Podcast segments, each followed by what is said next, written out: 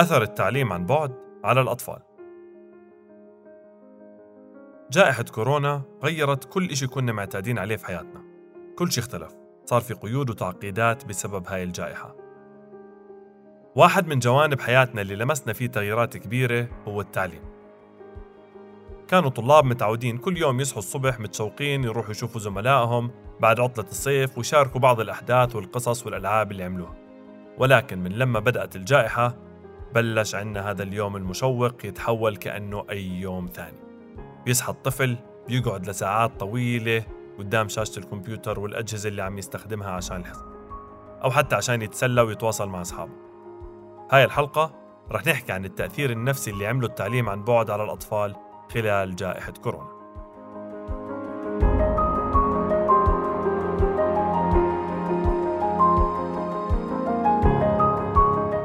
خلينا نسمع بالأول من بعض الأطفال وأهاليهم كيف أثر التعليم عن بعد على نفسيتهم وكيف تأقلموا مع المتغيرات وشو تعلموا من هاي الفترة.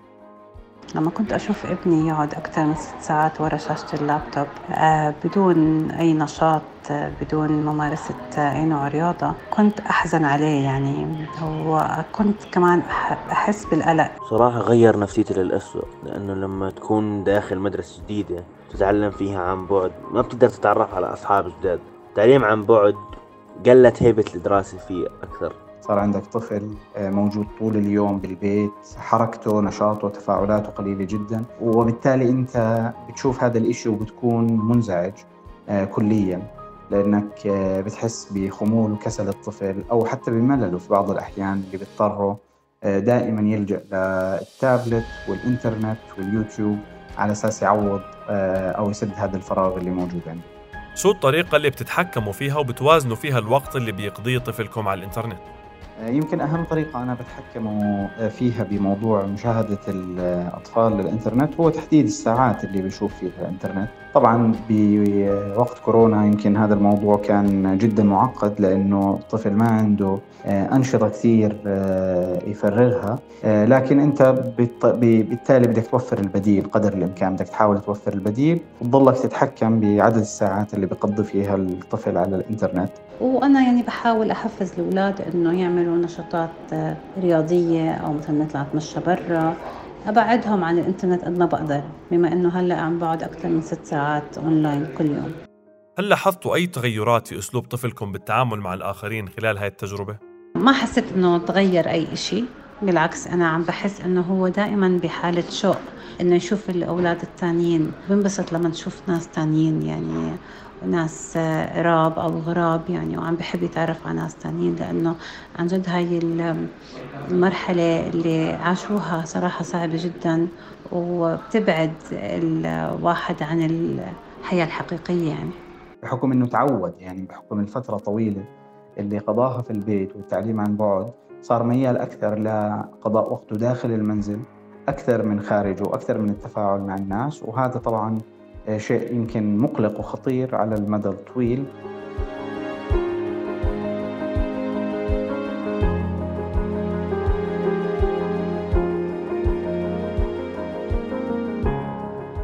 تسببت جائحة كورونا في أكبر انقطاع للتعليم في التاريخ ولحتى الآن تأثيره شبه شامل على الطلاب والمعلمين حول العالم. من مرحلة ما قبل التعليم الابتدائي للمدارس الثانوية ومؤسسات التعليم والتدريب التقني والمهني والجامعات ومنشآت تنمية المهارات. تقريبا في نص نيسان 2020 كان 94% من الطلاب في العالم متأثرين بالجائحة. صاروا الأطفال مقيدين بالقعدة قدام الشاشات التلفزيون والكمبيوترات والآيباد وغيرها من الأجهزة سواء مشان يحضروا حصص المدرسة أو عشان يقضوا وقت يتسلوا فيه ويتواصلوا مع أصحابهم. وبالتالي صاروا منفصلين عن العالم الحقيقي وصار كل تعاملهم مع عالم افتراضي.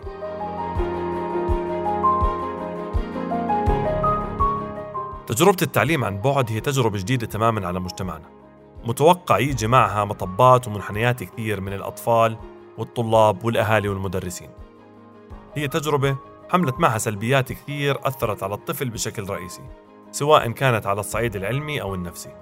وبدنا نأكد على أنه العامل النفسي للطفل هو عامل أساسي في تنمية الطفل وتشكيل شخصيته.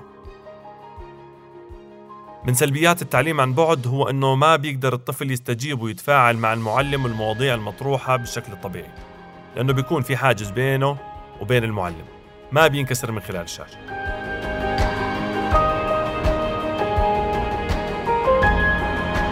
الرابط بين الطفل والمعلم صعب تكوينه خلال الشاشات غير أنه الدراسة بشكل منعزل بعيد عن جو المدرسة ممكن يزيد من عدم التركيز اللي عند الأطفال ويخليهم يضلهم يلتهوا بالألعاب والنوم وغيرها. أكيد حيزيد من توتر غضب أهاليهم هذا التلهي. كمان التحديات اللي بتيجي مع التكنولوجيا والخلل اللي ممكن يصير والضغط على شبكة الإنترنت ممكن يزيد من التوتر والضغط النفسي عند الأهل والطلاب.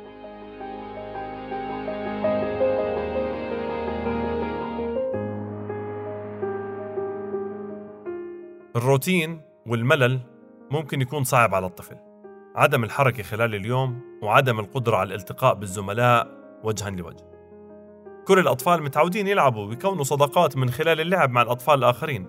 ولكن بسبب هذه الجائحة صار في حاجز أساسي ممكن يخلي الطفل يشعر بالوحدة خصوصا إذا الطفل ما كان عنده إخوان وإخوات يقضي معهم وقته ويشاركهم الأنشطة واللعب والهوايات.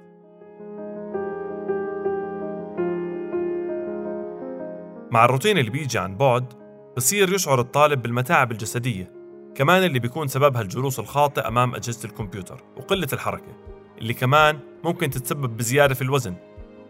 غير أنه زيادة الوزن ممكن يكون سببها كمان نفسية الطفل واللي بيتشخص بالأكل العاطفي لما يحس أنه الأكل ممكن يعوضه عن شعور تاني غير موجود.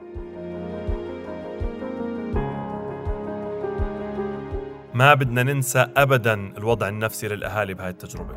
هاي التجربة ضغطت عليهم نفسيا وزادت من مهامهم ومسؤولياتهم اللي أصلا كانت موجودة. ممكن الأهل يواجهوا صعوبات في طريقة تدريس الأطفال خصوصا في الصفوف التربوية الأولى اللي بيحتاج فيها الطفل لمهارات تأسيسية بتساعده في تعلم القراءة والكتابة على سبيل المثال. كمان المهارات اللي بتشتغل على تكوين شخصيته وسلوكياته أكيد راح يكون فيها صعوبة. كل هذا بيساهم في زيادة الضغط النفسي على الأهل وعلى الطالب بسبب وجود صعوبة في التواصل بين الاثنين. من جهة ثانية عندنا ضغوطات اقتصادية بتعاني منها العائلات اللي دخلها محدود. وهاي تأثرت بالتعليم عن بعد كونه بحاجة لأدوات وأجهزة زي الكمبيوترات وأجهزة الاتصال الحديثة عشان يقدروا أطفالهم يوصلوا للمعلومة المطلوبة ويحضروا الحصص المدرسية. وهذا كمان أدى لضغط نفسي كبير على الأهل وبعضه شعر فيه الأبناء مع كل هاي التأثيرات والمتغيرات اللي ذكرناها الجائحة أثرت تأثير كبير نفسي على أطفالنا وعائلاتنا ولدت شعور عندهم أنهم معزولين عن العالم الخارجي خصوصا مع الإغلاقات اللي كانت وما زالت بتصير. وفي دراسات أثبتت أنه الأطفال اللي كان عندهم اكتئاب وقلق ما قبل كورونا زادت الأعراض عندهم بعد هذا الوباء.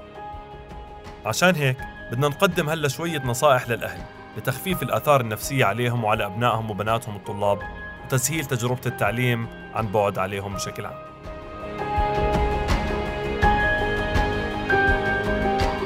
أولا استيعاب أنه هاي التجربة بطبيعة الحال رح تعمل معها تحديات هو إشي مهم وضروري نوضحه لكل طفل.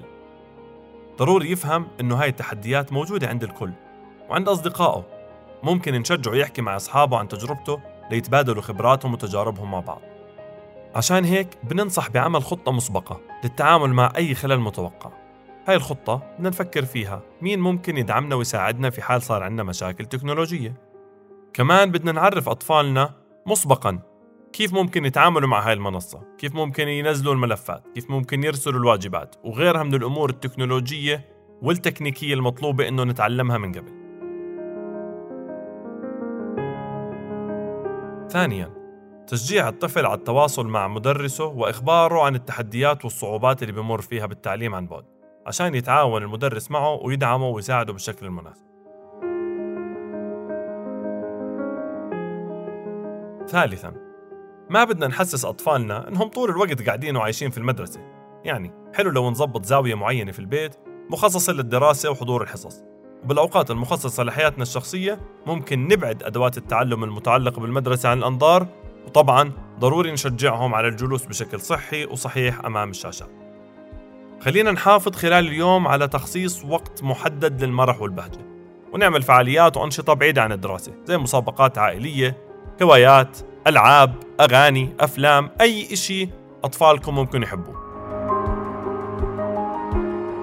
وممكن ندمج هاي الأنشطة مع أصحابهم وأقربائهم حتى لو عن طريق وسائل التواصل الاجتماعي ومكالمات الفيديو. رابعا تخصيص أوقات معينة لاستخدام شبكة الإنترنت بحيث إنها ما تكون متاحة لهم طول الوقت عشان يصير في تركيز على النشاطات التفاعلية الثانية وكمان لحماية صحتهم الجسدية وصحة عيونهم من أضرار الشاشة. خامسا تخصيص وقت للحركة وللرياضة. أي رياضة بحبوها الأطفال لازم نمارسها كرة القدم، سلة، سباحة أو غيرها. كمان ضروري نخصص وقت للعب برا البيت ممكن بالحدائق إذا كانت مفتوحة وقريبة متاحة ممكن بحديقة البيت ممكن بالحارة حوالين البيت. ومش غلط لو شاركنا هالوقت مع الأصحاب والأقارب كنوع من التواصل الوجاهي مع الاهتمام طبعا بالإجراءات الوقائية في ظل الجائحة. سادسا تشجيع الطفل على التواصل مع الأهل. ليحكي عن إحباطاته وتحدياته ومشاعره بخصوص هاي التجربة. ومساعدته بإيجاد حلول منطقية إلها.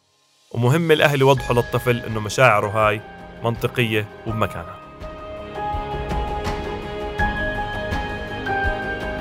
سابعا مهم تشجيع الأطفال على البقاء على تواصل مع زملائهم وأصحابهم. وتخصيص وقت للحكي وقضاء الوقت سوا. يعني يحكوا أخبارهم لبعض يشاركوا بعض اهتماماتهم زي ما كانوا يعملوا أيام المدرسة. حتى لو كان هذا التواصل عن طريق التليفونات ومكالمة الفيديو. ثامنا الاهتمام بالصحة الجسدية بتخصيص ساعات نوم مريحة محددة كافية كل يوم بالإضافة لتناول وجبات صحية متوازنة.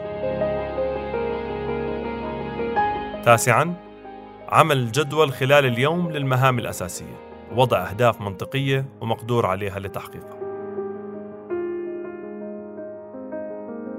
عاشرا من الضروري أنه الأهل كمان يعتنوا بصحتهم النفسية تخصيص وقت إلهم كل يوم. للراحة وممارسة هواياتهم وأنشطتهم المفضلة. تمارين الاسترخاء مثل اليوغا والتأمل وسماع الموسيقى قراءة الكتب استنشاق الهواء المنعش حتى لو حوالين البيت من فترة للتانية كثير مهم.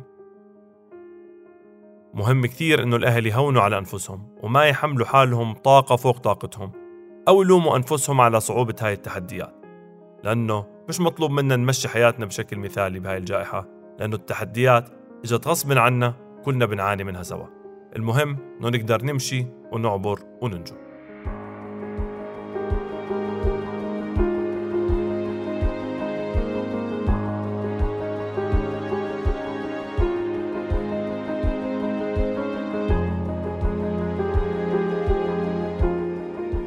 والآن رح تكون معنا الأخصائية النفسية ندى دخيل. رح تحكي لنا عن كيف ممكن نخفف الآثار السلبية للتعليم عن بعد على الأطفال من ناحية نفسية. برضه رح تحكي لنا عن مخرجات التعليم والفرق ما بين التعليم الوجاهي والتعليم عن بعد. أيضا رح تضيف لنا شوي وتحكي لنا عن الشكاوى اللي بتوصلها من الطلاب أو أهاليهم عن التعلم عن بعد. لا شك أنه التعليم عن بعد صعب على الجميع على الطلاب على الأهالي وعلى الأساتذة. هلأ رح أعرض آه، أربع مبادئ آه، سريعا بتساعدنا شوي نهوي لعنينا الموضوع. هلأ أول مبدأ هو إنه نسأل حالنا نحن على شو نركز؟ أو شو ناطرين من التعليم عن بعد؟ شو أولوياتنا؟ يعني مثلا إذا آه، معتبرين أولوياتنا إنه أولادنا يجيبوا علامات كتير عالية وما يروحوا عليهم شيء وكل هول الأمور بركة عم نزيد الاسترس على حالنا. بينما إذا مثلا أولوياتنا إنه آه، نعتبر التعليم عن بعد طريقة تيكون في شوية نظام لحياة أولادنا بما إنهن هلأ بالبيت طول الوقت.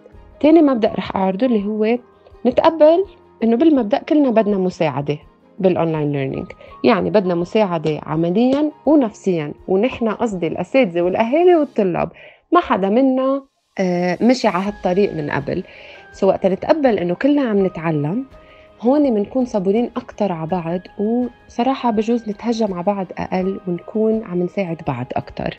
ثالث مبدأ اللي هو مبدأ بسيط جدا إنه نذكر حالنا إنه رح يخلص الموضوع. This too shall pass. ما حدا رح يتعلم اونلاين كل حياته. هلا أكيد نحن مقهورين كثير لأنه طول الموضوع كثير أكثر من ما كنا متخيلين آه، أول ما بلشت الجائحة. بس هينا تحملنا وبالمبدأ الكتير قطع. وإن شاء الله يعني السنة الدراسية الجاية تكون أحسن. آخر مبدأ اللي هو إنه نذكر حالنا إنه بكل شيء بالحياة باكثر صعوبات الحياة في كمان قصص إيجابية في silver lining وهون بقصة التعليم عن بعد فينا نذكر حالنا إنه عطانا مجال إنه بركي نتغدى سوا نقضي وقت أكثر سوا كعائله بركي عطانا مجال آه، نصير أشطر من الناحية التكنولوجية. بركي عطانا مجال نضطر نتواصل أحسن لأنه صار في آه، صعوبات أكثر يعني الاكيد أنا من ناحيتي ك بروفيشنال بهالموضوع. أنا شفت كتير أكتر عالم متقبلين فكرة الصحة النفسية ويطلبوا المساعدة أكتر من قبل. وها كمان شيء إيجابي من وراء الجائحة صار. وهيك بتكون خلصت حلقتنا لليوم. بتمنى تشاركوها مع أهالي ثانيين وممكن أهالي أصحاب أولادكم عشان يستفيدوا من النصائح اللي قدمناها اليوم. كان معكم الدكتور ليث العبادي وبنلتقي في الحلقة القادمة.